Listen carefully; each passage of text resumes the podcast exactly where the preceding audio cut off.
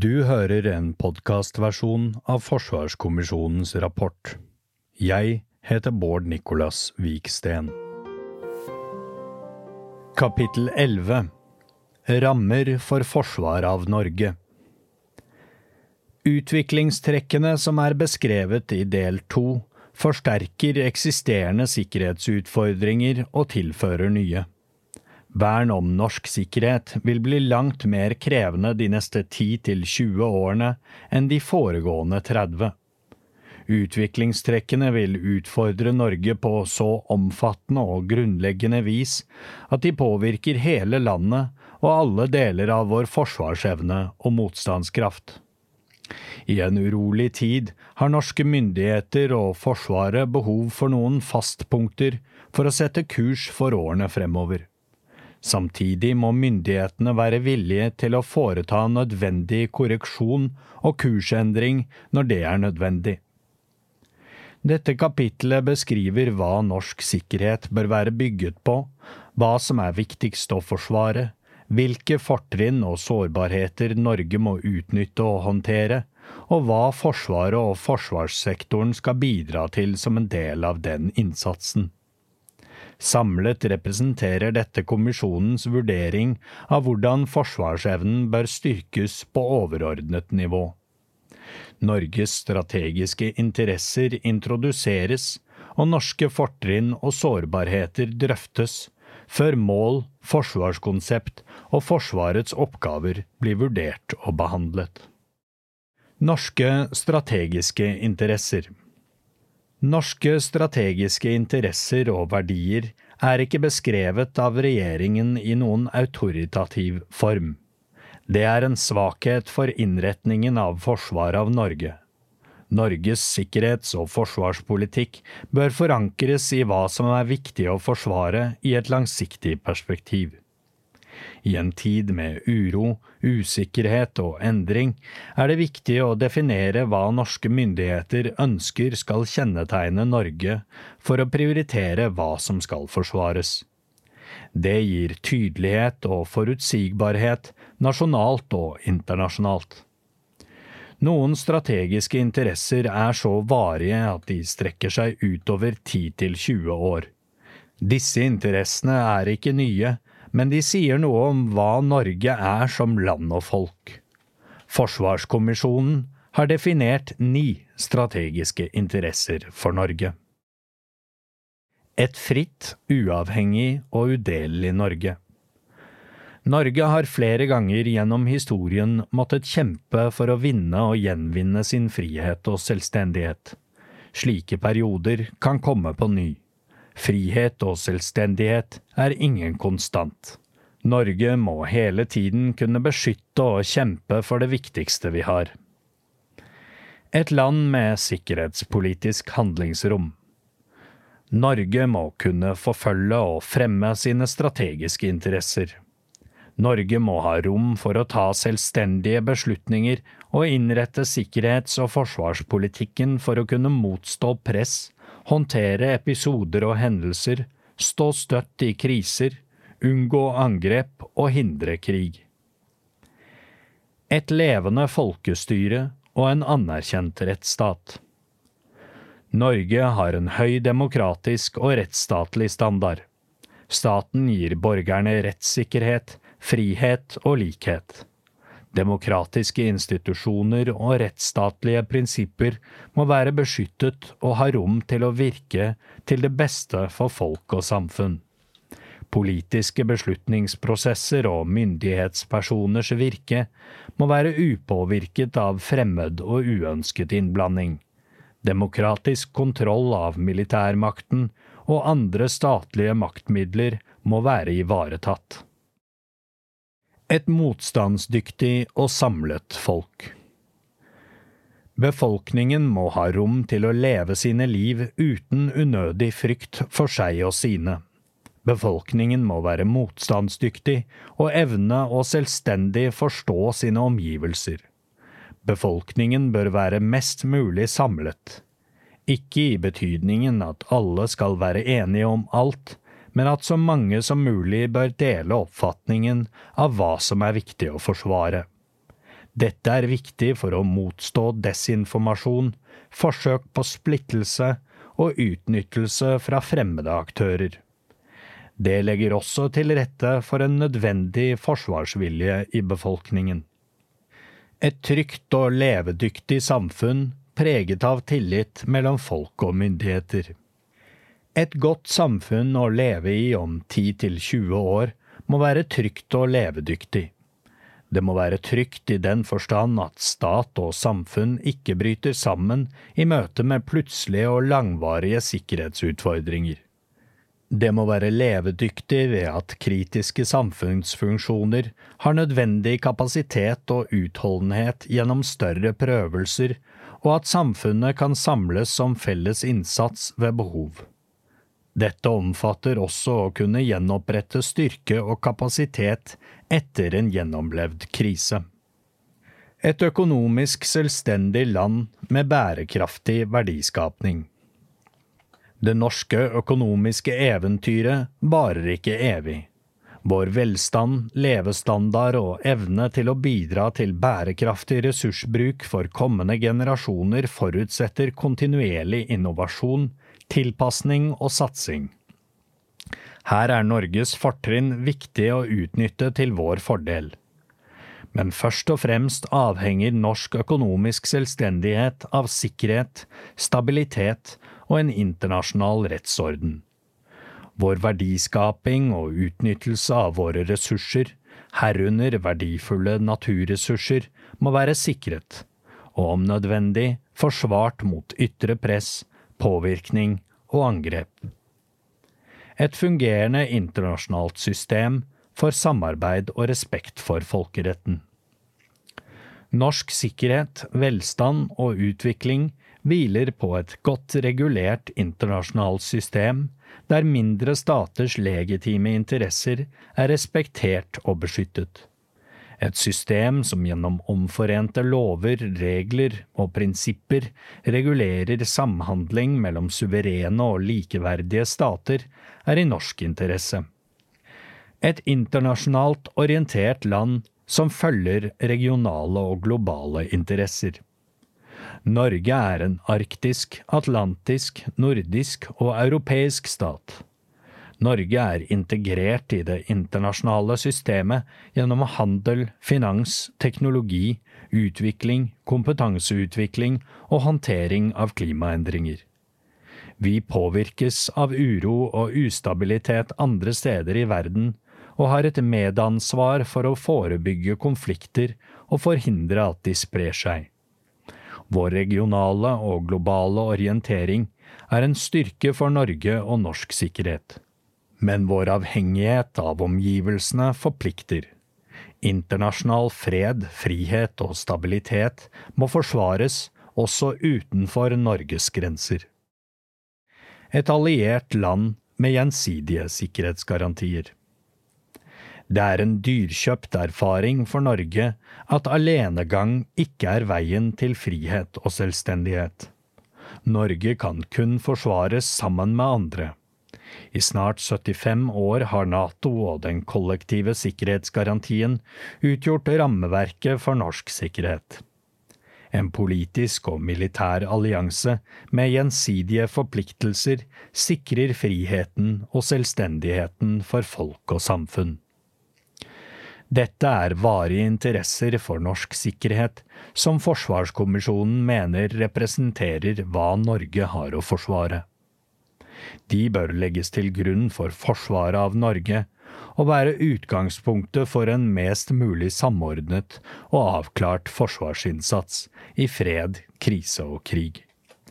Det forutsetter at de strategiske interessene blir forstått av alle berørte sektorer, og at disse er ansvarliggjort. En nasjonal forankring og konkretisering av Norges strategiske interesser på tvers av alle sektorer hører hjemme i en overordnet nasjonal sikkerhetsstrategi. Dette er en mangel i Norge, noe som gjør at også sikkerhets- og forsvarspolitiske rammer og føringer ikke har det nødvendige oppheng i tverrsektorielle føringer for ivaretakelsen av nasjonal sikkerhet. Kommisjonen behandler derfor spørsmålet, og tar i kapittel 15 til orde for en nasjonal sikkerhetsstrategi og for styrket organisering og ledelse av sikkerhetsarbeidet på strategisk nivå. Forsvarskommisjonen bruker denne vurderingen i behandlingen av sikkerhets- og forsvarspolitiske føringer for den videre utviklingen av forsvarsevnen. Fortrinn og sårbarheter Beliggenhet som tiltrekker interesse og støtte. Norges beliggenhet lengst nord i Europa, mot Arktis og vendt mot Nord-Atlanteren, har stor geopolitisk betydning. Norge ligger nær den russiske nordflåten og basekomplekset på Kolahalvøya, som huser en stor andel av Russlands ubåter som har kjernevåpen om bord. Å beskytte disse kapasitetene og sikre isfri adgang til Atlanterhavet er sentralt i russisk strategi. Dette gjør Norge og norske nærområder strategisk viktig for USA og Storbritannia, men også Frankrike og Tyskland og Nato som helhet. Norges nærområder er viktig for situasjonsforståelse og tilstedeværelse. Norges beliggenhet får enda større betydning etter hvert som polisen smelter og det ytre rom blir mer tilgjengelig. Selv om det trolig er flere tiår til Nordøstpassasjen blir isfri året rundt, vil en eventuell økning av skipstrafikken gjøre Norges plassering enda viktigere.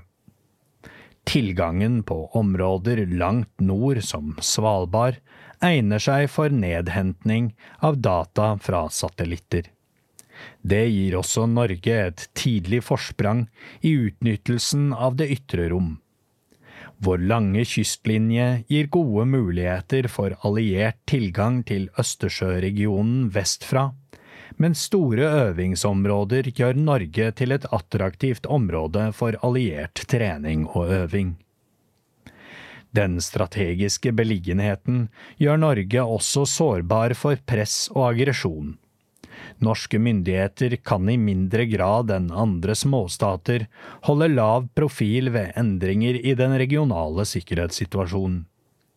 Småstatens dilemma består i evnen til å tilpasse seg endringer, samtidig som man tar hensyn til egne målsetninger og begrensede ressurser. En attraktiv beliggenhet kan gi ulemper eksempel at andre aktører ønsker en norsk opptreden og prioriteringer som ikke samsvarer med våre nasjonale interesser. Manglende eller dårlig håndtering av slike situasjoner kan gjøre Norge sårbart for press og tvang fra andre. Særlig i forholdet til Russland kan Norges strategiske beliggenhet komme i konflikt med russiske ønsker om å beskytte egne sikkerhetsinteresser. Dersom norsk innflytelse på utviklingen i alliert militær aktivitet i regionen reduseres, kan konfrontasjonsnivået øke. Denne sårbarheten har vært søkt håndtert gjennom en helhetlig strategi for avskrekking og beroligelse i flere tiår. Det er nærheten til Russlands strategiske kjerneområde, vår avhengighet av import og eksport, og vår nærhet til de viktigste handelsrutene på tvers av Atlanterhavet og Nordsjøen, som setter Norge i en utsatt posisjon. Norges strategiske beliggenhet blir mer synlig de neste 10–20 årene, enten det er ønskelig fra norsk side eller ikke. Nordområdenes betydning for internasjonal stabilitet og sikkerhet øker når verden blir farligere. Kjernevåpendimensjonen blir mer fremtredende som maktfaktor i internasjonal politikk, og norske myndigheter må tilpasse politikk og opptreden til en ny tid. Dette vil være utfordrende, men gir også muligheter. Norge har forutsetninger for å kunne ta et tydeligere ansvar for sikkerhet og stabilitet i vår region, og bruke vår posisjon til å øve innflytelse på sentrale spørsmål for internasjonal sikkerhet. Utfordrende og gunstig geografi. Nærheten til allierte i øst og vest og sør gjør det relativt lettere å forsterke Norge enn mange andre land. Amerikanske og britiske luft- og sjøstyrker opererer ofte i våre nærområder, og ytterligere forsterkninger kan komme til relativt raskt. Luft- og landstyrker kan i utgangspunktet også støtte Norge fra Sverige, Finland og Danmark. Vår geografi gjør at Norge kan få et sterkere forsvar igjen for ressursene vi bruker. Mulighetene for å skjule og distribuere moderne våpensystemer er utallige. Forutsetningene er gode for at Norge kan utnytte operasjonsmiljøet enda mer til egen fordel. Den lange kystlinjen mot Atlanterhavet skaper mange muligheter for mottak, støtte og etterforsyninger til hele Norden. Norskekysten er Norges hjemmebane. Det er nesten ingen andre steder i verden som ligner på vår kyst. Derfor er det få som har kompetanse til å føre krig i et slikt område. Det betyr at kysten kan gi Forsvaret en fordel som vil være svært vanskelig å utnytte, selv for en meget stor og sterk marine. Dette krever imidlertid tydelig og kontinuerlig tilstedeværelse i store havområder. Forvaltningen har i hovedsak vært ivaretatt av Kystvakten og delvis gjennom maritim overvåkning. De fleste operasjonene som gjennomføres i Norge, vil kunne betraktes som operasjoner i et maritimt operasjonsmiljø, særlig sett fra våre alliertes perspektiv. Geografien kan også gjøre Norge sårbart. Norge ligger langt mot nord, og forsyningslinjer og forsterkninger kan avskjæres og hindres. Norge, Sverige og Finland fremstår i realiteten som en øy i militærstrategisk forstand, og den fysiske koblingen til det europeiske kontinentet er svak. Norges utstrekning, klima og topografi gjør det kostbart å bygge ut og vedlikeholde transportinfrastrukturen. Nordområdene er særlig utsatt for klimaendringer. Stadig sterkere svingninger i vær og klima vil gjøre forsvaret av Norge mer krevende. Veinett, jernbane, havner og flyplasser er ulikt utbygd i ulike landsdeler, og er ikke alle steder dimensjonert for alliert mottak og forsterkning. Et langstrakt land gjør at flytting av kapasiteter tar tid, og den lange kysten er eksponert for sabotasje, anslag og angrep. Tilstedeværelse over hele territoriet til enhver tid er ikke mulig. Derfor må norske og allierte styrker hele tiden prioritere og ta risiko på hvor tilstedeværelse er mest effektivt. Norges geografi gir fordeler i den nye sikkerhetssituasjonen. I et mer konfronterende og ustabilt landskap, der også globaliseringen kan være i tilbakegang, får geografien fornyet betydning. Et svensk og finsk NATO-medlemskap vil medføre at Norge er omgitt av allierte, unntatt i nordøst. Slik blir også den lange norske kysten mot vest mer relevant i øving og planlegging for alliert forsterkning på vei østover mot Sverige, Finland og Østersjøregionen. Plassert langt nord i Europa er realiteten også at Norge så langt har vært mer skånet enn andre av krigen i Ukraina og de etterfølgende konsekvensene. Det samme kan gjelde effekten av andre kriser eller konflikter som vil komme og gå, der vår geografi i seg selv reduserer vår berøring. Geografisk avstand gir imidlertid ingen garanti for trygghet. Slitesterke bånd Høy grad av tillit mellom stat, samfunn og folk er et fortrinn i forsvaret av Norge. Demokratisk kontroll med de væpnede styrker og bred konsensus om hovedlinjene i sikkerhets- og forsvarspolitikken gir et sterkt grunnlag for felles motstand mot angrep på styresett og territorium, eller befolkningens frihet, medbestemmelsesrett og samhold. Et klart og velfungerende system for maktoverføring avgrenser mulighetene for å så splid om eller utfordre sentrale myndighetsfunksjoner. Det demokratiske verdifellesskapet som Norge inngår i, styrker disse kvalitetene ytterligere. Demokratiene har felles interesse av å kjempe for hverandres frihet, selvbestemmelsesrett og en verdensorden basert på folkeretten og prinsippene i FN-pakten. Dette er avgjørende for å ivareta Norges interesser og handlingsrom. Samtidig gjør demokratiske lands historiske uvilje mot å skade hverandre at vi har lite å frykte fra andre demokratier. Ytringsfriheten gjør kontinuerlig utvikling av samfunnet mulig, og sørger for at feil avdekkes og utbedres. Et velorganisert samfunn med lav kriminalitet gir færre sårbarheter som en motstander kan utnytte. I perioder med store omveltninger og skepsis til etablerte institusjoner er tillit mellom folk og mellom folk og myndigheter særlig viktig. Tilliten bidrar til at folk er mer kritiske til usikre kilder, men også at de ønsker å hjelpe og støtte hverandre i en krise eller i møte med en fiende. Som et av få land i Europa har Norge beholdt verneplikten etter den kalde krigen og opprettholdt dens omdømme. Førstegangstjeneste anerkjennes høyt av samfunnet og bidrar til å spre kunnskap om og bygge tillit til Forsvaret i befolkningen. Høy tillit og åpenhet i samfunnet gjør oss samtidig sårbare for påvirkning og desinformasjon. Statlige og ikke-statlige aktører kan forsøke å manipulere andre lands demokratiske prosesser offentlig debatt og politisk og militær virkelighetsoppfatning. Norge er ikke nødvendigvis mindre sårbar enn andre land på dette feltet. Åpenhet og tillit uten nødvendig evne til kritisk tenkning kan lede til en naivitet overfor omgivelsene som kan utnyttes.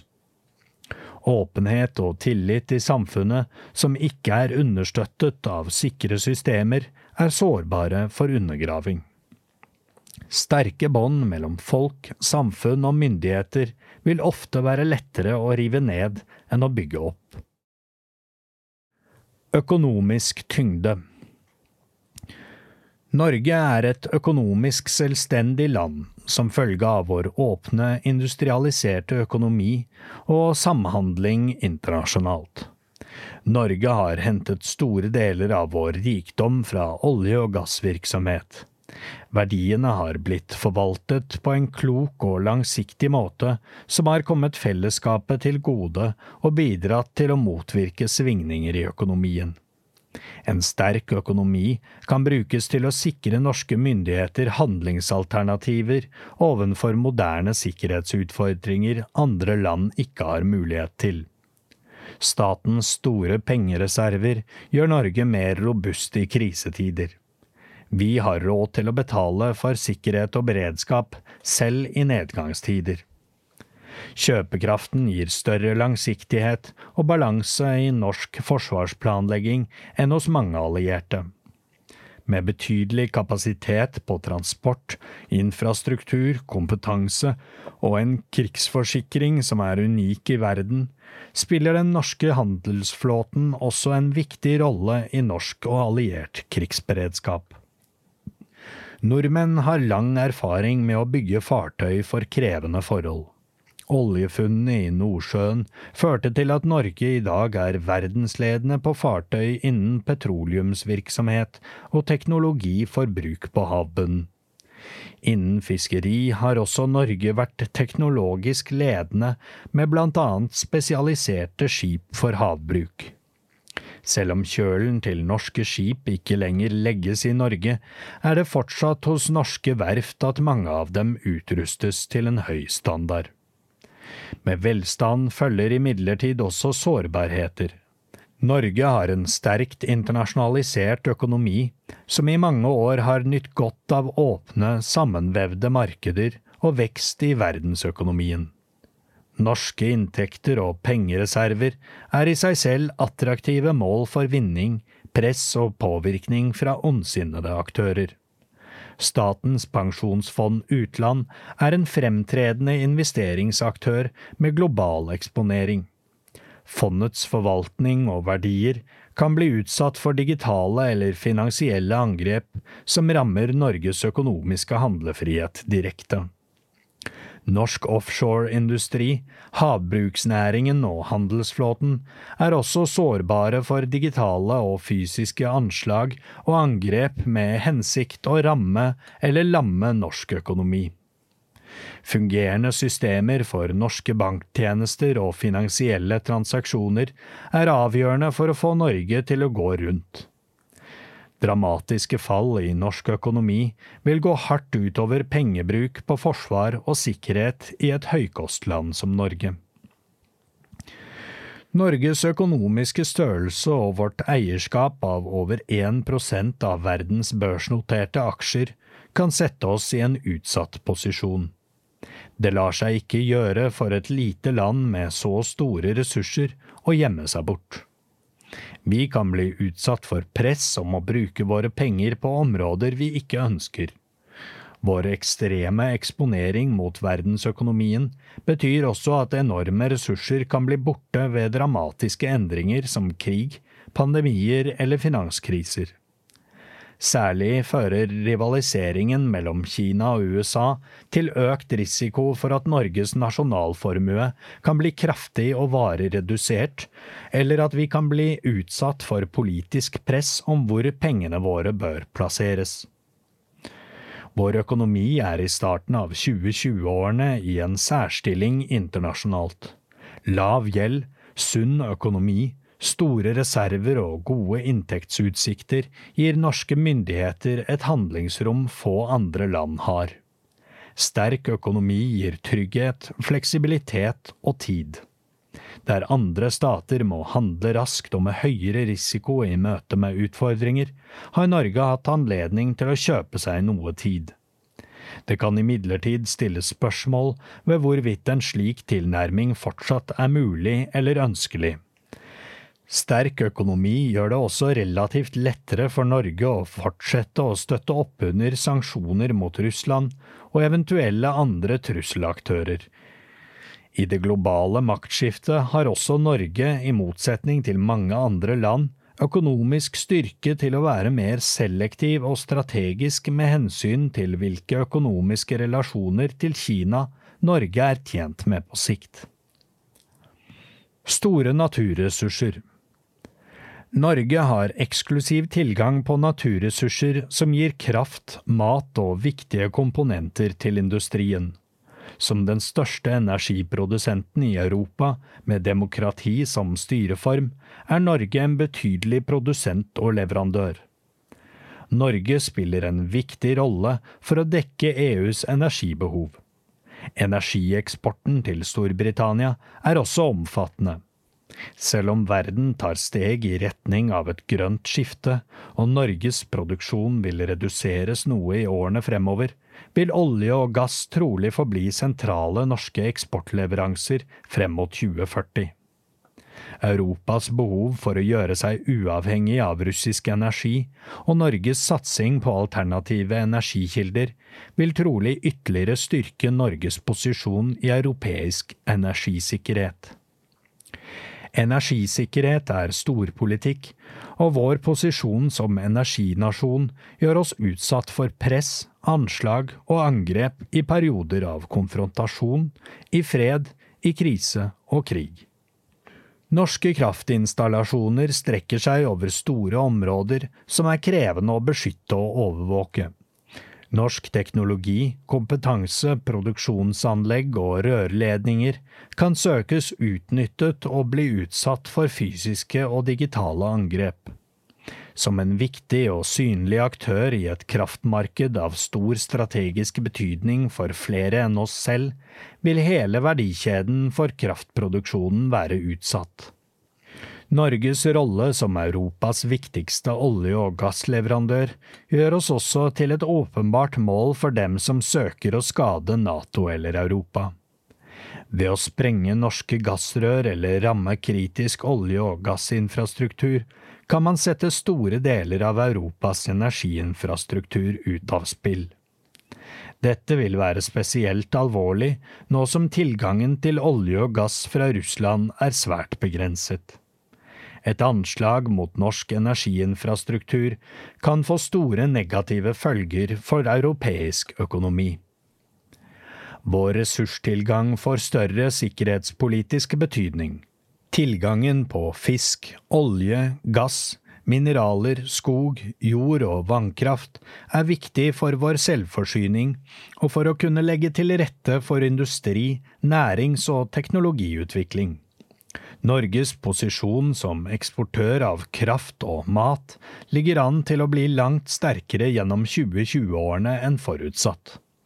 Det vil gi økt innflytelse og økte inntekter, men også et større ansvar for å bidra til europeisk utvikling og motvirke ustabilitet og nød. Dette er en grunnleggende ny situasjon for norske myndigheter, som fordrer langsiktig og helhetlig politikk understøttet av en demonstrert evne og vilje til å beskytte disse ressursene. En troverdig alliert. Nato-medlemskapet utgjør rammeverket for Norges sikkerhet. Nato har bidratt til stabilitet og sikkerhet i det euroatlantiske området i over 70 år. Norge har et lite, men moderne og profesjonelt forsvar som er godt innrettet for å øve, trene og operere med andre NATO-styrker. I kombinasjon med vår strategiske beliggenhet har dette bidratt til at Norge er tett koblet til flere av våre alliertes mest sensitive og avanserte systemer, operasjoner og etterretningssamvirke. Bilaterale samarbeids- og forsterkningsplaner med USA og Storbritannia, men også andre allierte og partnere, er en betydelig kilde til styrke. Norges avhengighet av amerikansk sikkerhetspolitisk nærvær i norske nærområder kan også representere en sårbarhet. Amerikanske prioriteringer er i bevegelse som følge av indre politiske utfordringer i USA og økende global rivalisering med Kina. Skulle tilgangen på amerikansk politisk og militær støtte bli redusert i vår region, vil det være en potensielt alvorlig utfordring for oss. Norges sterke posisjon i NATO vil bli sterkt utfordret dersom Norge ikke øker sitt relative bidrag til byrdefordeling i alliansen gjennom å investere mer i eget forsvar. Kostnaden for Norge vil kunne bli redusert troverdighet og innflytelse. Uten den allierte rammen blir Norge sårbart for press og aggresjon, og kostnaden for å verne om egne verdier og egen sikkerhet alene blir uhåndterlig. Norge er ikke i stand til å garantere for egen sikkerhet selv. Vi er avhengig av støtte og forpliktende forsterkningsplaner fra NATO samlet og gjennom bilaterale avtaler med nære allierte. Et mindre samlet NATO eller bortfall av alliert støtte i kritiske situasjoner vil ha dramatiske konsekvenser for forsvarsevnen og norsk sikkerhet. Uten den allierte dimensjonen reduseres effekten av Forsvarets egne kapasiteter. I en slik situasjon vil det være lettere for en motstander å ramme nasjonale mangler og svakheter på en måte som raskt snevrer inn norske myndigheters handlingsrom. Like fullt er vår posisjon i alliansen i utgangspunktet god. Norge anerkjennes som en troverdig alliert med en demonstrert evne og vilje til å bidra til alliansens sikkerhet og kollektivt forsvar over mange år. Norge er også blant frontlinjestatene i NATO med reelle sikkerhetsbehov for å ivareta egen territoriell integritet hver dag, hele året. Utover anerkjente militære bidrag har Norge god politisk og diplomatisk innflytelse i alliansen samlet og overfor en rekke sentrale allierte. Norsk delaktighet og påvirkning på en rekke viktige NATO-beslutninger de senere år er større enn mange i Norge er klar over. Opprettholdelse av denne posisjonen blir viktigere, og Norge må jobbe aktivt på alle nivåer for at Nato utvikler seg i tråd med norske interesser. Et høydigitalisert og teknologisk avansert samfunn. Norge har noen små, men svært konkurransedyktige teknologimiljøer innen annet maritim, ammunisjons-, rom- og missilteknologi. Utfordrende norske omgivelser knyttet til klima, værforhold, topografi og geografi har ledet til utviklingen av verdensledende teknologi. Norsk industri har et godt omdømme og evne til å konkurrere internasjonalt som følge av innovasjon og samarbeid med myndighetene. Vi er også i ferd med å utvikle et sterkt miljø innen utnyttelsen av det ytre rom og har flere kvaliteter som kan understøtte andre teknologiske satsingsområder. Norge har velutviklet teknologisk infrastruktur, langvarig industrisamarbeid med fagmiljøer i store teknologinasjoner, og som underleverandører til selskaper i USA og Europa. Dette gjør det enklere å integrere ny teknologi og få tak i ny kunnskap. Sterke teknologimiljøer bidrar til høyere kompetanse og innovasjonsevne i Forsvaret. Verdensledende, men små miljøer på avansert teknologi er også sårbare. De er aktører i store globale markeder og kan være mindre robuste mot svingninger, oppkjøpsforsøk og tap i egne verdikjeder. Norske teknologiselskaper kan være attraktive for tyveri av kunnskap og kompetanse, samt datainnbrudd og utpressing. I et sammenkoblet samfunn er angrepsmulighetene uendelige.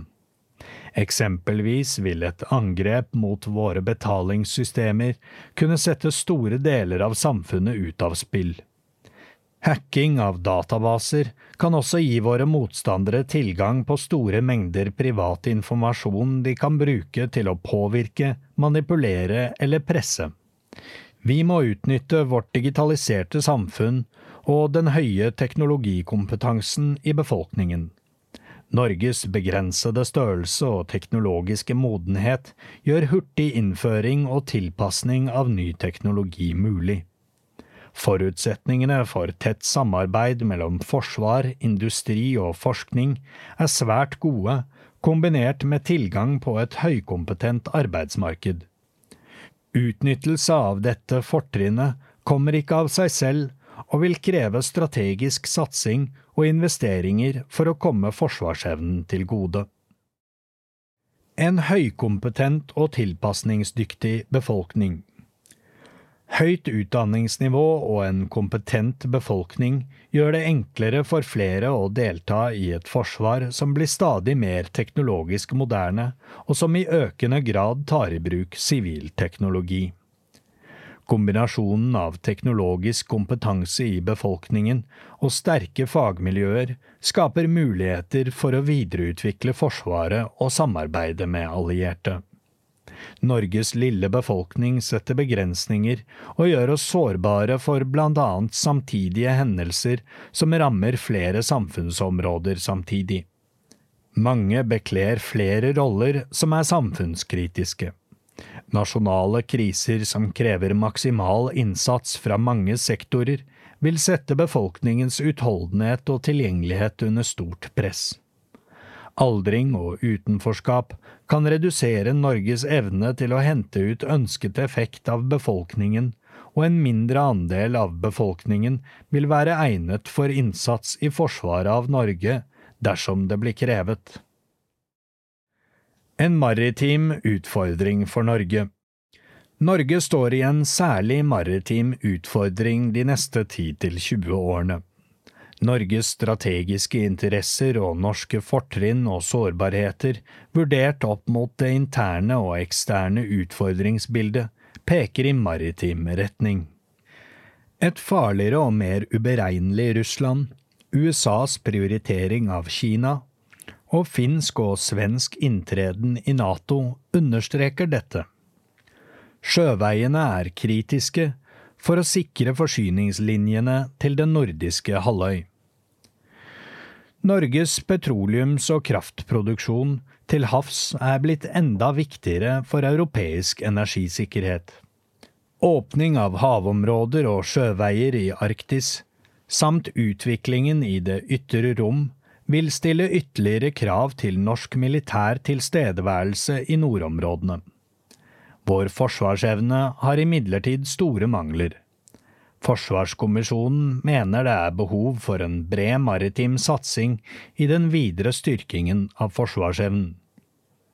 Norge er en maritim nasjon og tilhører i strategisk forstand et maritimt innsatsområde.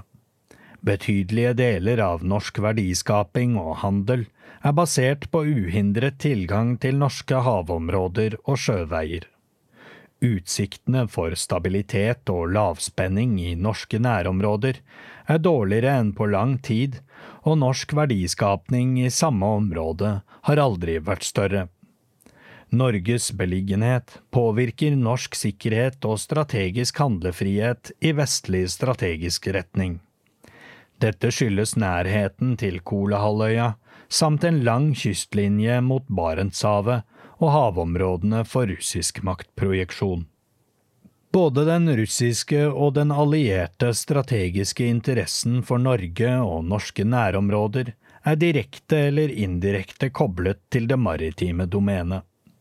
Alvoret i sikkerhetssituasjonen leder til at forebygging og avskrekking blir viktigere for å unngå konfrontasjon, konflikt og i verste fall krig. For Norge vil mye av denne forebyggingen og avskrekkingen bygge på en fellesoperativ tilnærming med særlig oppmerksomhet mot det maritime, fra hav til kyst. Forsvarets innretning må svare på den strategiske utviklingen i våre nærområder, med de maritime utfordringene som særlig fremtredende for norsk og alliert sikkerhet.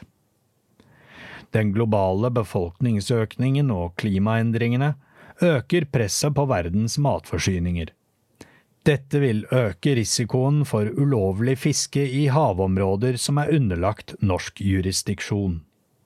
Norge er en av verdens største fiskerinasjoner, og noen av verdens rikeste fiskefelt ligger i norsk økonomisk sone, som fiskevernsonen ved Svalbard eller fiskerisonen ved Jan Mayen. Kampen mot ulovlig fiske ville ikke vært mulig uten Kystvaktens kontinuerlige tilstedeværelse for å håndheve norske suverene rettigheter. Norge må være forberedt på en mer tilspisset kamp om ressursene i havet, og dermed risikoen for at også våre havområder vil bli utsatt for angrep. Vi er spesielt sårbare på Svalbard og i fiskevernsonen. Norge har også biland på den sørlige halvkule, og har blant annet gjort krav på Bouvetøyas 683 730 kvadratkilometer med kontinentalsokkel. Til dronning Maud og Peter den førstes øy er det også lagt inn suverenitetskrav, men på grunn av Antarktistraktaten av 1. desember 1959 er alle slike krav satt på vent. Norge har gode forutsetninger for å satse på maritim sikkerhet. Norge har geografiske fortrinn som muliggjør økt maritim tilstedeværelse. Norge har en stor handelsflåte som kan ivareta forsyningssikkerhet. Planverk er utviklet for alliert mottak. Norsk petroleum, offshore og maritim sektor besitter kompetanse og teknologi til å utvikle maritime kapasiteter og autonome systemer som kan understøtte en maritim innretning. Norges romteknologi og verdikjede for utvikling og oppskyting av satellitter, samt nedlasting av satellittdata, gir oss komparative fortrinn. Etterretningstjenesten har lang erfaring fra informasjonsinnhenting i det maritime, og kan videreutvikle sin virksomhet. Styrking av forsvarsevnen må reflektere utfordringene, behovet og våre forutsetninger for en maritim satsing. Det vil gi ytterligere klarhet og retning for Forsvaret at denne hovedretningen blir konkretisert. Forsvarskommisjonens forslag til et nytt ambisjonsnivå i maritim retning behandles i kapittel 12 og konkretiseres i kapittel 16 som en maritim satsing. Den maritime dimensjonen ved forsvaret av Norge omfatter aktiviteter og utviklingsbehov for hele Forsvarets strukturbredde, for sivilmilitært samarbeid og for alliert samvirke i fred, krise og krig.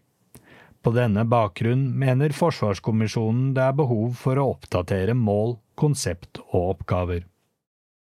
Sikkerhets- og forsvarspolitiske mål Som beskrevet i kapittel to har sikkerhetspolitikkens hovedformål vært mer eller mindre fast siden Norge fikk en selvstendig utenrikspolitikk i 1905. Det har handlet om hvordan posisjonere Norge for fred og fravær av krig. I tradisjonell forstand har sikkerhetspolitikkens funksjon vært vern om statssikkerheten. Frem til andre verdenskrig ble dette søkt oppnådd gjennom å unngå å bli involvert i krig og holde avstand til de dominerende aktørene. Etter andre verdenskrig ble det klart at det ikke var mulig å oppnå dette hovedformålet med alenegang.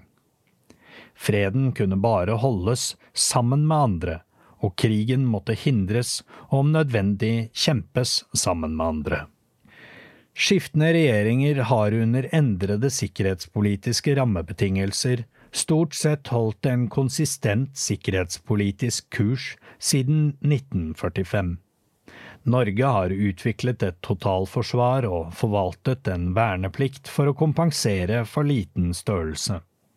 Skiftende regjeringer har så langt det går holdt fast ved et breddeforsvar fordi det er skalerbart og er relevant på land, til sjøs og i luften. Politikk og forsvar har vært innrettet ut fra en grunnleggende allianseavhengighet. Norges internasjonale profil, regionale opptreden og lokale innretning har hele tiden utviklet seg med henblikk på naboskapet til Sovjetunionen og senere Russland. Fra slutten av den kalde krigen og frem til i dag har det blitt tydeligere at det ikke bare er krigen i seg selv eller de mest eksistensielle kriser som kan sette en stat ut av spill. Sikkerhetspolitikkens formål har blitt utvidet til å omfatte ikke bare krigen, men også landets sikkerhet og sikkerhetsinteresser i fredstid og i krisesituasjoner. I tråd med denne utviklingen fikk hovedmålet for sikkerhetspolitikken følge av gradvis mer selvstendige og uttrykte mål som suverenitet, territoriell integritet og politisk handlefrihet.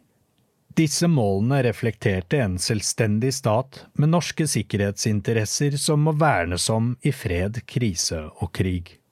Gjeldende sikkerhets- og forsvarspolitiske mål har videreført dette. Nasjonal sikkerhet som begrep og samlebetegnelse er relevant i utviklingen av målbildet for sikkerhets- og forsvarspolitikken med tilstrekkelig sammenfall mellom Forsvarskommisjonens vurdering av de overordnede strategiske interesser, de nasjonale sikkerhetsinteressene i sikkerhetsloven og gjeldende hovedmål for sikkerhets- og forsvarspolitikken, ligger det godt til rette for å rydde i og samkjøre begreper og forståelse. Av denne grunn bør innholdet i hovedmålet for sikkerhets- og forsvarspolitikken ligge fast, og etablerte begreper gjenbrukes. Definisjonen av nasjonal sikkerhet kan annet bidra til å klargjøre virkeområdet for Forsvarets oppgaver. Forsvarskommisjonen mener at sikkerhets- og forsvarspolitiske delmål bør oppdateres. Sikkerhets- og forsvarspolitiske mål må være et siktemål for all forsvarsinnsats. Målene må være styrende for forsvarssektorens oppdragsforståelse og være mest mulig tidløse. Historisk har overordnede mål og interesser for norsk sikkerhet vært uttrykt i varianter av å forsvare land og folk. Både land og folk, eller territorium og befolkning, representerer og skaper materielle og immaterielle verdier som har betydning for en stat. I tillegg er det utviklingen og ivaretagelsen av institusjoner som binder land, folk og verdier sammen innenfor og på tvers av landegrenser. Samlet reflekterer disse Norges strategiske interesser. Forsvarskommisjonen mener disse fire kategoriene befolkning, territorium, verdier og institusjoner representerer hva som må forsvares over tid, og uavhengig av trusselaktører. Forsvarskommisjonen anbefaler derfor at følgende oppdaterte sikkerhets- og forsvarspolitiske mål bør legges til grunn for innretningen av sikkerhets- og forsvarspolitikken for de neste 10–20 årene. Hovedmål for sikkerhets- og forsvarspolitikken Forsvare norsk suverenitet, territoriell integritet, vårt demokratiske styresett og vår handlefrihet mot politisk, militært og annet press ved å bidra til å Delmål for sikkerhets- og forsvarspolitikken Forsvare vår befolkning, vårt territorium, våre verdier og våre institusjoner mot eksterne trusler. Forhindre væpnet konflikt og fremveksten av trusler mot nasjonal og alliert sikkerhet fremme norske sikkerhetsinteresser. Dette målbildet representerer både kontinuitet og endring. Kjernen i hva vi skal forsvare er som før, mens handlingsverbene er skjerpet i samsvar med alvoret i sikkerhetssituasjonen. Delmålene er tydeligere på at det er evnen til å forsvare det grunnleggende, forhindre det uønskede og fremme det ønskede som støtter opp under hovedmålet. Målene er overordnet forsvarskonseptet, som er metoden for hvordan Forsvarets oppgaver skal løses. Forsvarskonseptet Et norsk forsvarskonsept må beskrive hva som utgjør vår forsvarsevne, og ut fra det hvordan Norge skal forsvares. Norge har som beskrevet i kapittel to hatt ulike varianter av et forsvarskonsept på strategisk nivå. Strategisk nivå er i denne sammenheng departementsnivået, med forankring i regjeringen og mot Stortinget. Dette er til forskjell fra mer operative konsepter på lavere nivå i Forsvaret. Gjeldende forsvarskonsept er på strategisk nivå og utgjør bindeleddet mellom sikkerhets- og forsvarspolitiske mål og Forsvarets oppgaver. Gjeldende forsvarskonsept har solid forankring i norsk sikkerhets- og forsvarspolitisk tradisjon. Forsvarskommisjonen mener det likevel er en svakhet at det ikke er beskrevet mer inngående verken i langtidsplaner eller andre autoritative dokumenter. Det har trolig bidratt til at det tar tid for Forsvaret å forstå intensjonen, og for mye tolkningsrom blir overlatt til leseren. Ideen og metoden for forsvaret av Norge bør beskrives mer utførlig og i gradert form hvis nødvendig. Blant flere allierte land og i NATO blir slike konsepter ofte knyttet til utformingen av en forsvarsstrategi eller militærstrategi, eller begge deler. Norge har ikke utviklet slike dokumenter på lang tid. Forsvarskonseptet må være en samlende idé for hvordan Norge skal forsvares, og hvor Forsvaret hører hjemme i innsatsen. Et forsvarskonsept må være styrende for forsvarssektorens utvikling, hvor ambisjonen kan variere over tid innen en fast ramme. Forsvaret av Norge har siden 1949 bilt på tre hovedsøyler. En militær del, en samfunnsdel og en alliert del. Disse søylene har samlet utgjort vår forsvarsevne i krig, men også i fred og krise. Slik må det være også for de neste 20 årene, og dette må utgjøre rammen for et norsk forsvarskonsept. Norges strategiske interesser forsvares derfor gjennom en mest mulig samordnet nasjonal og alliert innsats, hjemme og ute, i fred, krise og krig. Gitt alvoret for norsk sikkerhet og Forsvarets beskjedne størrelse, mener kommisjonen at en for stor andel av vår forsvarsevne i dag er overlatt til samfunnet for øvrig og til allierte. Forsvarets posisjon som del av konseptet er ikke der den bør være.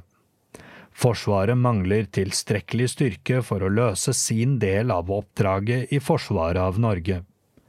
Forsvarets egenevne må bli sterkere for å styrke nasjonal handlefrihet og for å avlaste andre samfunnsaktører og allierte i fred, krise og krig. Kommisjonen anbefaler at konseptets oppbygning og fremstilling tydeligere går til kjernen i hva forsvarsevnen handler om. Forsvaret i front og støttet av samfunnet og allierte. Her fremgår det tydeligere at Forsvaret er den fremste bestanddelen av eh, forsvarsevnen, og at Forsvaret baserer sin styrke på gjensidig støtte fra samfunnet gjennom totalforsvaret og fra allierte både bilateralt og kollektivt i rammen av Nato. Det er viktig at den regionale dynamikken i Nato kommer tydeligere fram i et forsvarskonsept for forsvaret av Norge i en ny tid. Helhetsperspektivet er sentralt for Forsvarskommisjonen. Det bør tillegges ytterligere vekt i forsvarskonseptet. Tverrsektorielle avhengigheter og støttemuligheter må bli en mer integrert del av hvordan Forsvaret løser sitt oppdrag. Befolkningen for øvrig, og næringsliv og industri, bør også anerkjennes i forsvarskonseptet. Alvoret i sikkerhetssituasjonen og den helheten som må til for å få gjennomført en styrking, peker mot en tettere kobling mellom folk, forsvar og industri i fred, krise og krig. Den oppdaterte fremstillingen illustrerer disse nyansene og angir totalforsvaret som det nasjonale rammeverket for å fremstille forsvarsevne. Forsvarets oppgaver Forsvarets rolle i forsvaret av Norge Forsvaret av Norge er ikke avgrenset til etaten Forsvaret eller forsvarssektoren, men favner alle sikkerhets- og beredskapsaktørene som er involvert i fred, krise og krig. Dette perspektivet er viktig for å kunne beskrive Forsvarets rolle og utvikling som et av flere maktinstrument til myndighetenes disposisjon. For Forsvaret betyr forsvaret av Norge mer enn beredskap i fred og væpnet motstandskamp ved krig. Forsvaret er og må være sentral i å forsvare norske strategiske interesser, som igjen er snevret inn og konkretisert i sikkerhets- og forsvarspolitiske mål. For å kunne prioritere og anvende de samlede ressursene mest mulig effektivt, må Forsvarets rolle forstås i sammenheng med øvrige maktmidler og alliert og internasjonalt samvirke. Forsvaret, som omfatter maktmidlene militærmakt og etterretning, er et sikkerhetspolitisk instrument. Militærmakt, eller bruk av Forsvaret, er et relevant og nødvendig instrument for å verne om nasjonal sikkerhet i hele krisespekteret.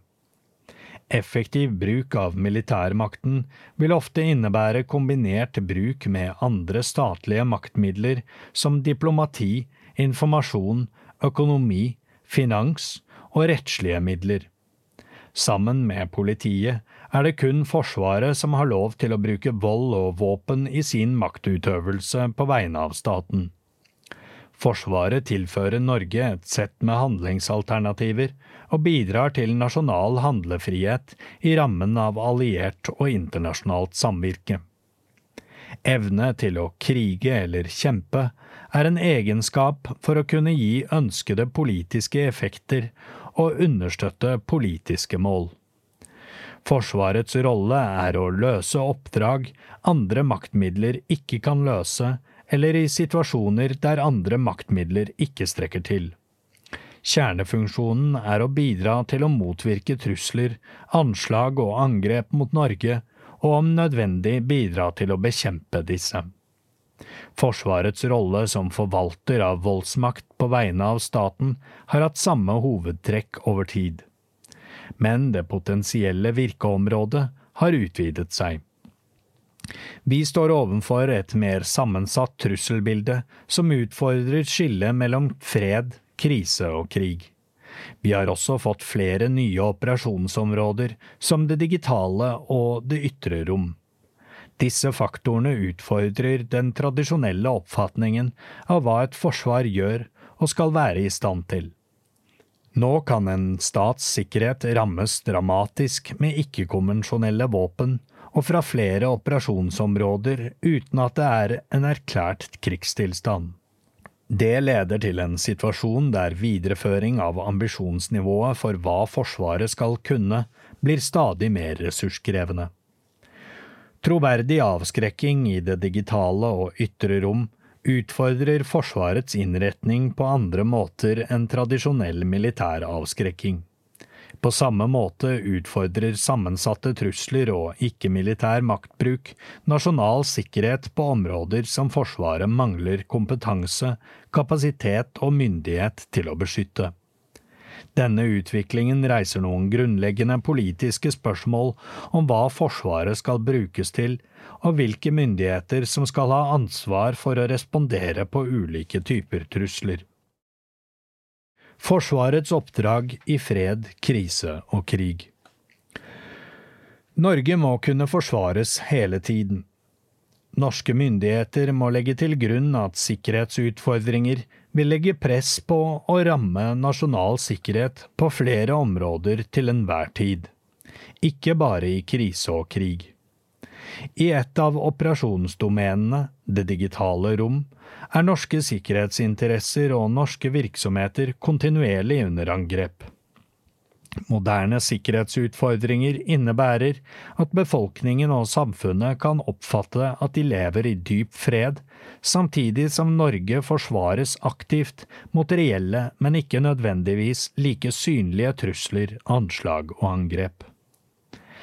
I sikkerhetspolitisk forstand kan fred defineres som fraværet av krig eller konflikt.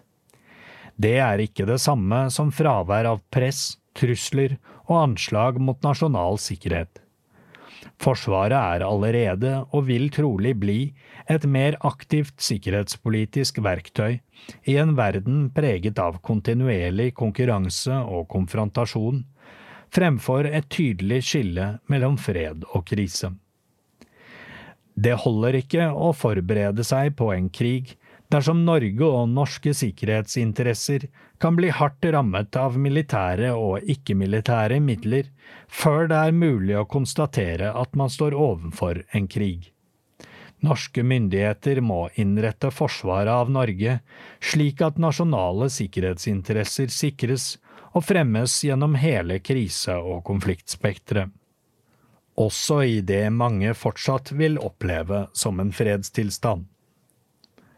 Erkjennelsen av at det må tydelig forsvarsinnsats til i det daglige, har konsekvenser for hvordan forsvarsevnen brukes.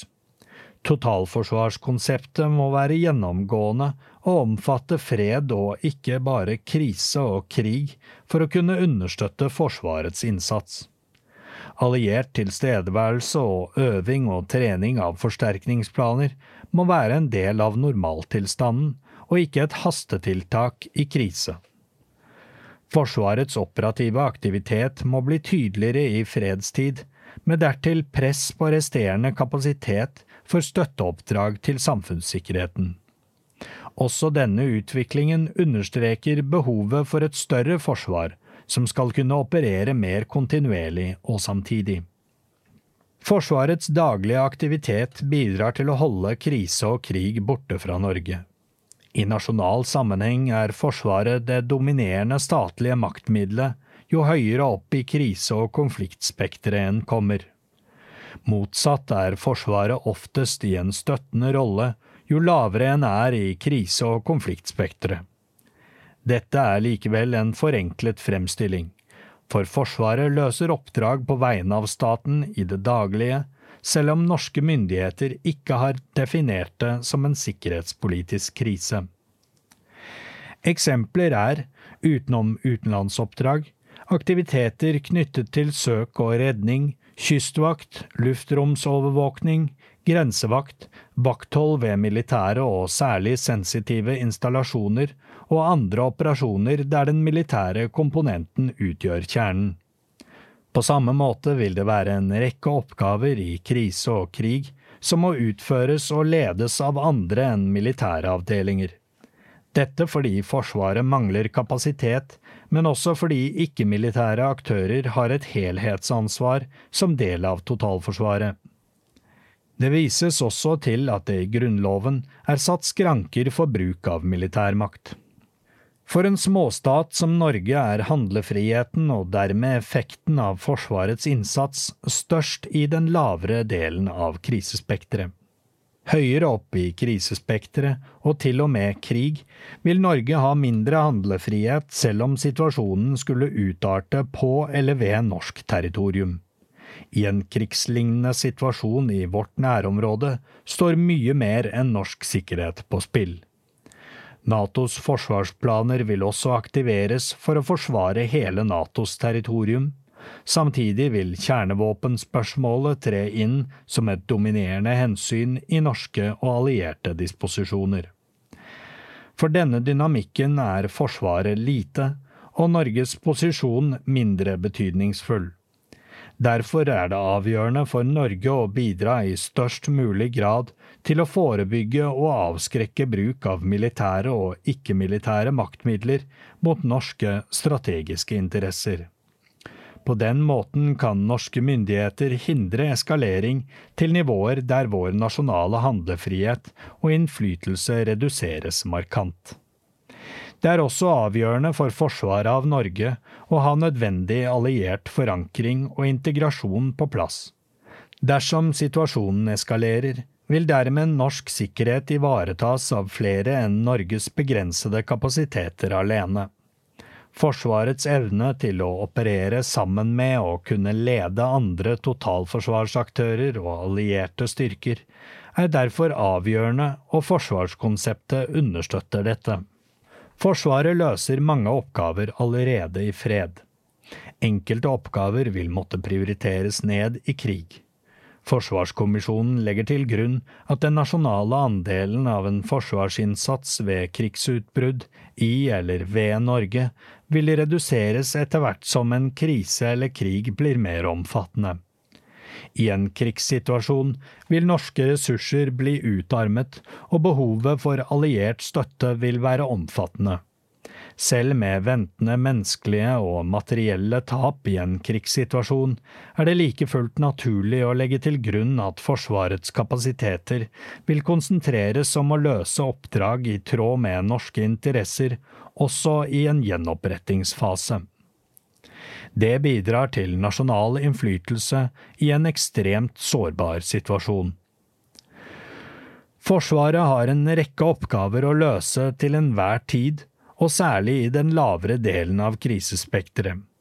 Myndighetene må ta høyde for en fortsatt bred oppgaveportefølje, der det vil være behov for at flere militære oppdrag må løses samtidig.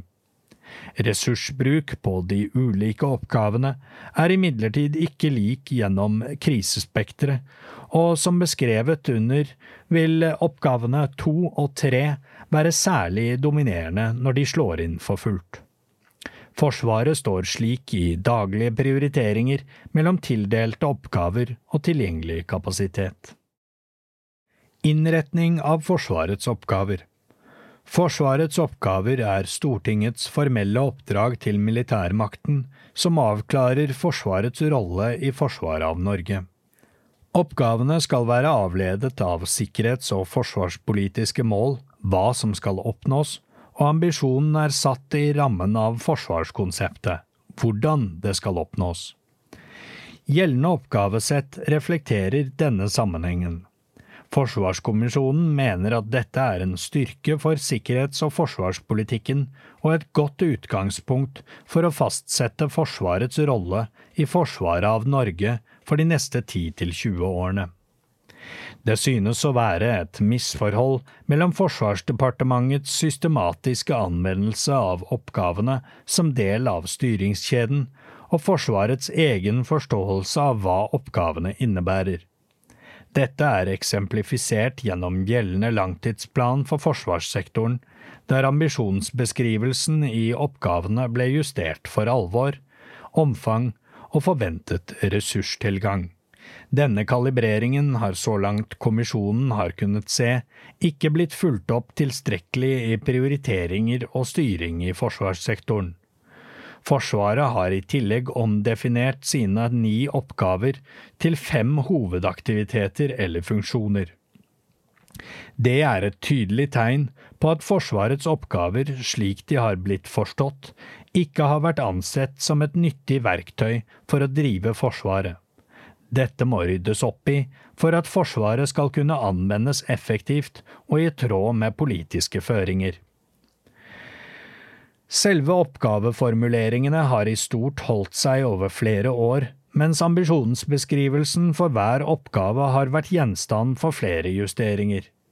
Justeringene har kommet til som følge av at forverringen av sikkerhetssituasjonen stiller tøffere krav til hva Forsvaret skal være i stand til, hvor og hvor raskt. Alvoret for norsk sikkerhet har blitt større. Innholdet i oppgavene er mer krevende, og Forsvaret har mindre volum. Dette har ført til en senking av ambisjonsnivået for hva Forsvaret skal være i stand til alene. Slike justeringer fremgår i ambisjonsbeskrivelsen, og er ikke like tydelig i selve oppgaveformuleringen. Ambisjonsnivået var opprinnelig at Forsvaret skulle klare å stanse og sinke et militært angrep på Norge alene over noe tid, før allierte forsterkninger var på plass. Siden har dette blitt endret til at Forsvaret skulle klare å håndtere sikkerhetspolitiske kriser uten hjelp, og nå til at Forsvaret skal kunne håndtere enkelte episoder og hendelser alene i en innledende fase. Dette har vært en naturlig nedjustering av ambisjonsnivået. Disse nyansene har i liten grad kommet frem i den mangeårige forsvarsdebatten om Finnmarks betydning i forsvaret av Norge. For det første var tidligere ambisjonsnivå basert på noen problematiske antakelser om norsk forsvarsevne, og om hvordan en krig ville kunne arte seg nært Norge. Det var en oppfatning om at Forsvaret skulle kunne gjøre jobben først før allierte etter hvert skulle komme og ta over. For det andre har bevilgningene over forsvarsbudsjettet resultert i et stadig mindre forsvar med mindre robusthet for å kunne møte en krigssituasjon. For det tredje har trussel- og utfordringsbildet blitt langt bredere og mer sammensatt enn hva tilfellet var for 10–30 år siden. En tenkt krigssituasjon i dag lar seg ikke definere geografisk. Det er også vanskeligere å forutsi hvilke virkemidler, hvilke våpen eller hvilke metoder som vil kunne bli brukt mot oss. Vurderinger av sikkerhet finner ikke sted i et vakuum. Der Norge har senket ambisjonsnivået for hva Forsvaret skal være stand til alene, har belastningen på sivile aktører og allierte økt, jf. forsvarskonseptet. Det omtales gjerne som politisk risiko når ressurstilgangen ikke står i samsvar med oppgavene som skal løses. Risiko betyr imidlertid ikke at viktige aktiviteter for å verne om nasjonal sikkerhet bortfaller, selv om Forsvarets ressurser ikke strekker til. Da er det andre aktører som kommer inn, i vårt tilfelle enten sivile aktører, andre allierte eller potensielle fiendtlige aktører. I et 10–20-årsperspektiv blir det viktig for norske myndigheter å få godt grep om sikkerhetspolitiske og tverrsektorielle kostnader og konsekvenser. Dette som følge av at Forsvaret får tilført mer ressurser til å klare å løse pålagte oppgaver, men også dersom Forsvaret ikke blir styrket i tilstrekkelig grad. Se nærmere behandling av dette i kapittel 16. Forsvarskommisjonen tar til orde for at Forsvarets oppgaver må konkretisere og avgrense Forsvarets rolle i forsvaret av Norge. Et politisk bestemt oppgavesett må være styrende for operativ bruk av Forsvaret. Oppgavene bør bære preg av kontinuitet av hensyn til planverk, men samtidig kunne tilpasses endringer i Norges sikkerhetspolitiske stilling.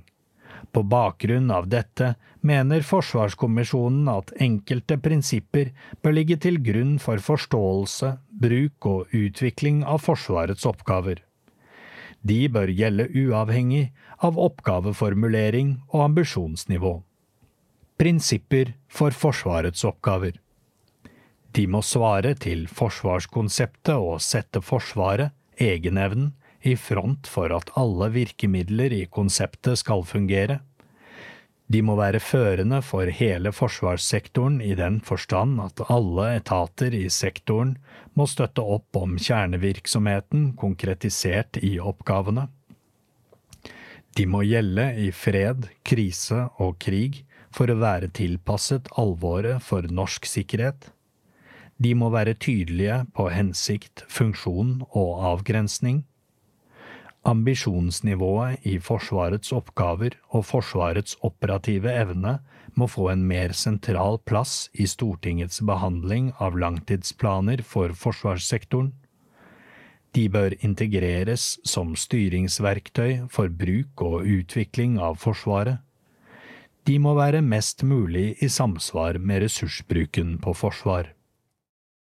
Oppdatering av Forsvarets oppgaver Forsvarskommisjonen har vurdert behovet for en tilpasning av Forsvarets oppgaver for å bedre reflektere utfordringsbildet i dag og slik vi ser det for oss de neste 10–20 årene. Det kunne blant annet vært aktuelt å definere oppgavene tydeligere ut fra noen spesifikke kjernefunksjoner Forsvaret må ha for å kunne understøtte norske strategiske interesser best mulig.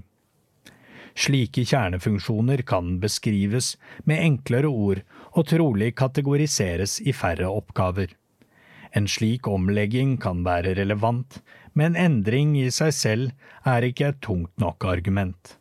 Gjenkjennelighet og kontinuitet i oppgavesettet har også verdi. Forsvarets ni oppgaver slik de forelegger, rommer mye. De har også en iboende fleksibilitet til å være relevant for utviklingstrekkene som del to beskriver, og for å svare til oppdateringen av målbildet og forsvarskonseptet. Det er lite som peker i retning av at utviklingen vil snu i mer positiv retning de neste 10–20 år. Forsvarets oppgaver må reflektere dette. Forsvarskommisjonens vurdering av behovet for å justere gjeldende oppgaver drøftes i det følgende. Oppgave 1. Sikre troverdig avskrekking med basis i Natos kollektive forsvar. Oppgave 1 bør bestå, men nyanseres. Dette er Forsvarets viktigste og mest overordnede oppgave. Press, trusler og angrep må forhindres fordi kostnaden ved å bli rammet, politisk, økonomisk, menneskelig og militært, er uakseptabel. I den nye sikkerhetssituasjonen blir Forsvarets bidrag til avskrekking viktigere og mer ressurskrevende. Forsvaret må innrettes for kontinuerlige operasjoner i og rundt Norge disse skal ha til hensikt å demonstrere alliert samhold, motstandskraft og kampkraft i samvirke med allierte styrker. Avskrekking som begrep kan oppfattes som brutalt, og man har tidligere omtalt denne oppgaven som en krigsforebyggende terskel. Det begrepet er imidlertid lite dekkende, ettersom det ikke setter norsk evne i en alliert dimensjon. Det gir også et sekvensielt inntrykk av hva Norge skal klare alene og sammen med andre. Krigsforebyggende fremstår også smalere enn avskrekking, da det omhandler kun krigen og ikke alle andre måter en småstat som Norge i dag kan bli rammet med militære og ikke-militære midler på. Terskel er problematisk, da det etablerer en forventning om at det er mulig å definere en grense for når fiendtlig aggresjon passerer et uakseptabelt nivå som vil gi en reaksjon. Det kan være en farlig øvelse for en småstat. Avskrekking favner bredere, gir større nasjonalt handlingsrom og er etablert norsk og alliert politikk. Avskrekking handler om alene og sammen med allierte, å vise militær styrke for å påvirke en motstander slik at han avstår fra å angripe eller true oss. Avskrekking er noe av det viktigste Nato gjør for å holde alliert territorium fritt for krig og konflikt, og slik må det fortsette å være. Selve oppgave én bør imidlertid inkludere begrepet forebygge for å synliggjøre hvordan en småstat som Norge hele tiden må kombinere harde og myke virkemidler for å fremme og motvirke uønsket eskalering i egne nærområder. Det gjelder også for Forsvaret, og nyansen bør tydeligere frem i oppgavesettet. Oppgave to Forsvare Norge og allierte mot alvorlige trusler, anslag og angrep. Oppgave to bør bestå. Dersom avskrekking feiler, må vi kunne kjempe for vår frihet og selvstendighet med alle nødvendige midler. Alvoret og realitetene i denne oppgaven har kommet tettere på Forsvaret og på det norske samfunnet etter krigen på ny kom til Europa i februar 2022. Derfor blir også denne oppgaven viktigere og mer ressurskrevende. Alle norske beredskapsaktører med Forsvaret i front må ta høyde for at krigen kan ramme oss også. Krig kan komme til Norge eller til alliert territorium på en slik måte at også vi må bidra med alt vi har. Oppgave tre Avverge og håndtere episoder og sikkerhetspolitiske kriser med nasjonale ressurser, herunder legge til rette for alliert engasjement. Oppgave tre bør slås sammen med oppgave to. Denne oppgaven omfatter alvorlige, men noe mindre krevende situasjoner enn det oppgave to dekker. Gitt sikkerhetssituasjonen og den krevende overgangen fra mer lavintensive, sammensatte trusler til mer høyintensive militære trusler, er det uaktuelt å slå sammen oppgave to og tre. Forsvarets oppdrag er å forsvare Norge, uavhengig av om vi er i fred, krise eller krig, og uavhengig av om hendelsen er liten eller stor. Dersom avskrekkingen feiler, må en tilmålt respons komme. Det bidrar til klarhet for Forsvaret. I den enkelte situasjon vil det uansett bli klargjort om Forsvaret opererer støttet av eller til støtte for andre sivile myndigheter eller allierte. Oppgave fire Sikre nasjonalt beslutningsgrunnlag gjennom overvåkning og etterretning. Oppgave fire bør bestå, men omformuleres. Denne oppgaven er helt sentral og gjennomgående for Forsvaret i fred, krise og krig.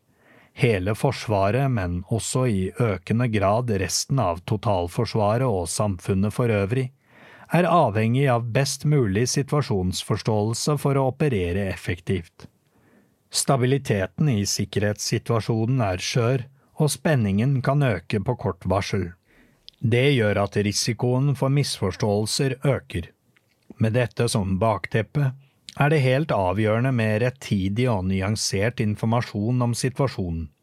Det blir viktigere for Forsvaret å etablere og vedlikeholde situasjonsforståelse og å kunne levere denne fortløpende til allierte og sivile myndigheter som skal operere i norske nærområder. Denne funksjonen ved overvåkning og etterretning bør reflekteres tydeligere i oppgaveformuleringen. Oppgave fem Hevde norsk suverenitet og suverene rettigheter. Oppgave fem bør bestå. Denne oppgaven handler om Forsvarets aktiviteter for å verne om norsk suverenitet og suverene rettigheter. Det handler også om å kunne håndtere krenkelser fra fremmede stater og ikke-statlige aktører som berører statssikkerheten. Her er jevnlig militær tilstedeværelse i alle domener sentralt. Med økt russisk aktivitet i norske nærområder vil dette kreve mer av Forsvarets evne til å være til stede i det daglige. Oppgave seks Ivareta myndighetsutøvelse på avgrensede områder. Oppgave seks bør bestå. Oppgaven omhandler håndhevelse av norsk lov på tildelte områder overfor privatpersoner og private aktører. Denne oppgaven er primært knyttet til Forsvarets forhåndsavklarte støtte til andre myndigheter, i motsetning til oppgave 9, som oftest er mer oppdukkende behov. For Forsvaret gjelder dette særlig ressurskontroll og annen myndighetsutøvelse til havs, inkludert rundt våre øygrupper og grenseoppsyn som del av grensevaktens oppdrag i Øst-Finnmark. Større økonomisk og privat aktivitet, særlig i norske havområder, vil bidra til å forsterke behovet for Forsvarets oppdrag innen myndighetsutøvelse. Oppgave syv Delta i flernasjonal krisehåndtering, herunder fredsoperasjoner. Oppgave syv bør slås sammen med oppgave åtte. Norge har over mange år bidratt med militære styrker til internasjonal innsats, også utenom kollektivt forsvar i NATO. Dette omfatter bidrag til internasjonal fred, sikkerhet og stabilitet. Omfanget av og den politiske viljen til slik innsats varierer over tid.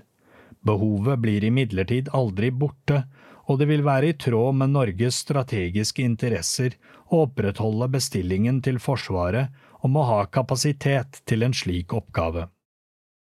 Oppgave åtte Bidra til internasjonalt samarbeid på det sikkerhets- og forsvarspolitiske området. Oppgave åtte bør slås sammen med oppgave syv. Internasjonalt militært samarbeid viser til mindre og ofte mer politisk rettede aktiviteter enn oppgave syv.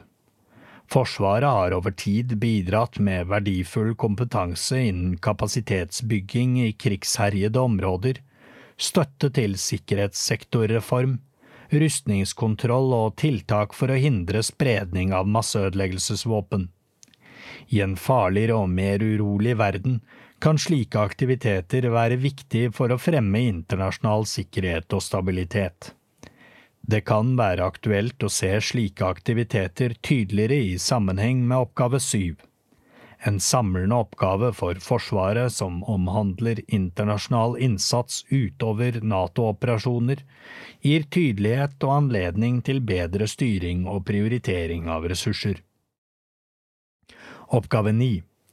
bidra til ivaretakelse av samfunnssikkerhet og andre sentrale samfunnsoppgaver.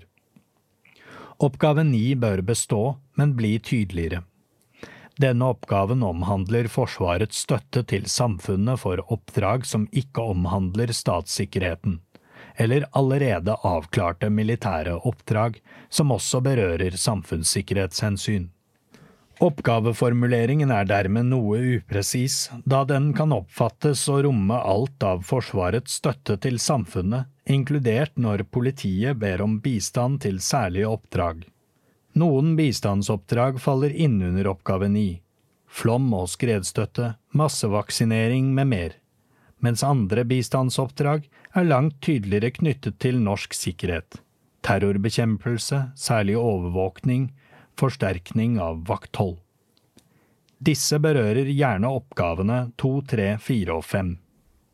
Med en styrking av Forsvarets egenevne, kombinert med utviklingstrekkene innen sammensatte trusler, finner Forsvarskommisjonen det rimelig at det settes krav til at Forsvarets ressurser skal kunne brukes mer også til støtte for politiet og andre statlige myndigheter i håndtering av særlige oppdrag for nasjonal sikkerhet. Det bør imidlertid ikke gjøres ved å definere en oppgave ni som dimensjonerende, men ved å klargjøre den allerede tunge sivilmilitære egenarten ved de dimensjonerende oppgavene. Enkelte sammensatte trusler kan ramme statssikkerheten og Forsvarets støtte til sivile myndigheter i å håndtere slike trusler, hører med under oppgaver som å forsvare, overvåke og hevde suverenitet. Nytt oppgavesett for Forsvaret. Det eksisterende oppgavesettet er vurdert opp mot Forsvarskommisjonens definisjon av strategiske interesser, sikkerhets- og forsvarspolitiske mål og forsvarskonseptet. Ut fra dette anbefaler kommisjonen følgende oppgaver for Forsvaret. 1. Forebygge og avskrekke press, trusler og anslag mot norsk og alliert sikkerhet med basis i Natos kollektive forsvar. 2. Forsvare Norge og allierte mot trusler, anslag og angrep. 3.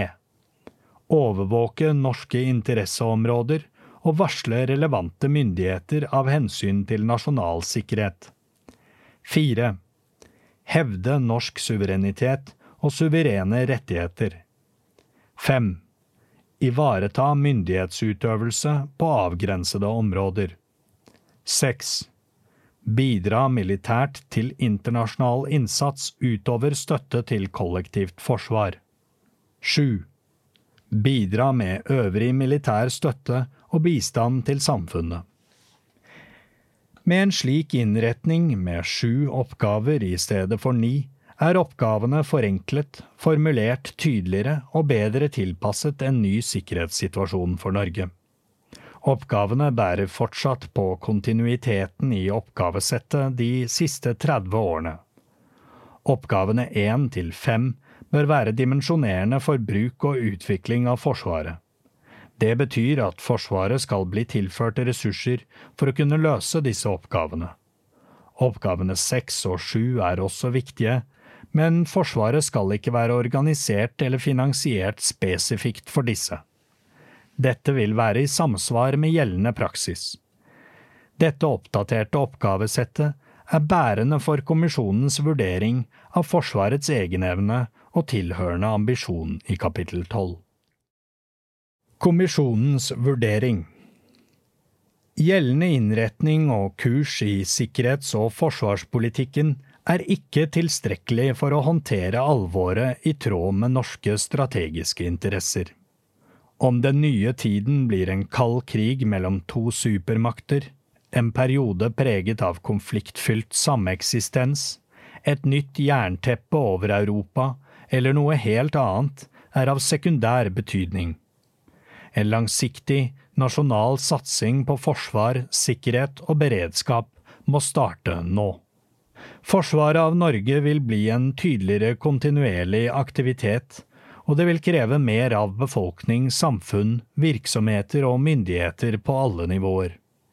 Forsvarsevnen må fortsatt omfatte et nasjonalt forsvar, en alliert dimensjon og et tilpasset totalforsvar. Endrede strategiske rammebetingelser for norsk sikkerhets- og forsvarspolitikk forsterker behovet for en bred maritim satsing i forsvaret av Norge, etterfulgt av en helhetlig styrking av vår samlede forsvarsevne. Innretningen av sikkerhets- og forsvarspolitikken må være mest mulig langsiktig og mest mulig tilpasset de til enhver tid politiske behov og realiteter. Forsvarskommisjonen foreslår å oppdatere sikkerhets- og forsvarspolitiske mål, forsvarskonseptet og Forsvarets oppgaver. I sum utgjør dette sikkerhets- og forsvarspolitiske føringer for forsvaret av Norge og Forsvarets rolle. Forsvarskommisjonen foreslår å tilpasse sikkerhets- og forsvarspolitiske mål for å svare bedre til Norges strategiske interesser. Dermed reflekterer de tydeligere hva som skal forsvares. Det gir klarhet til konsept og oppgaver, og dermed Forsvarets rolle i forsvaret av Norge. Forsvarskonseptet anbefales videreført, men med en tydeligere og enklere fremstilling. Nøkkelen til en styrket forsvarsevne ligger i at aktører og kapasiteter finner sammen i fred, krise og krig, slik forsvarskonseptet legger til rette for. Samarbeid og integrasjon må være på plass før prøvelsene kommer.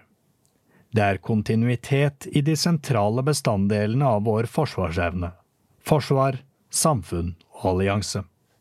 For å møte alvoret må Forsvarets egenevne og det sivilmilitære samvirket styrkes. Forsvaret med forsvarssektoren er den spisse enden og Norges fremste virkemiddel for å understøtte sikkerhets- og forsvarspolitiske mål. Allianseavhengigheten forblir stor, og Norge må være i posisjon for å ivareta egne interesser internasjonalt. Konseptet er rammen for å få til den helhetlige satsingen på sikkerhet, forsvar og beredskap som Forsvarskommisjonen anbefaler. Forsvarskommisjonen foreslår en justering av Forsvarets oppgaver som er bedre tilpasset Forsvarets oppdaterte rolle i forsvaret av Norge. Oppgavene foreslås forenklet og redusert i antall. Forsvarets oppgaver svarer til forsvarskonseptet og setter Forsvarets egenevne tydelig i front. Det forutsetter imidlertid handling fra norsk side og en omfattende satsing på et større forsvar. Forsvarets oppgaver gjelder for hele forsvarssektoren, og øvrige etater må styres tydeligere for å kunne støtte Forsvaret deretter. Forsvarskommisjonens anbefaling for tilpassing av forsvarskonsept og Forsvarets oppgaver ligger til grunn for drøftelser om hvordan forsvarsevnen kan styrkes. Dette behandles i kapitlene 12, 13 og 14. Dette er en podkastversjon av Forsvarskommisjonens rapport. Mindre avvik fra den endelige rapporten kan forekomme, og vi presenterer ikke grafikk, tabeller eller fotnoter. Hvis du vil ha den fulle opplevelsen, anbefaler vi deg å lese rapporten på regjeringens nettsider regjeringen.no. Da vil du også få med deg en rekke viktige grafer, figurer og illustrasjoner Forsvarskommisjonen har lagt mye arbeid i. Denne lydutgaven er ingen erstatning for den trykte rapporten, og det er kun den trykte rapporten som representerer Forsvarskommisjonens svar på regjeringens oppdrag. Denne podkasten er laget av Knut Storberget, Bård Nicolas Vik Steen, Kristine Hellesland, Fredrik Tamberg, Jørgen Lyngvær og Thomas Haraldsen.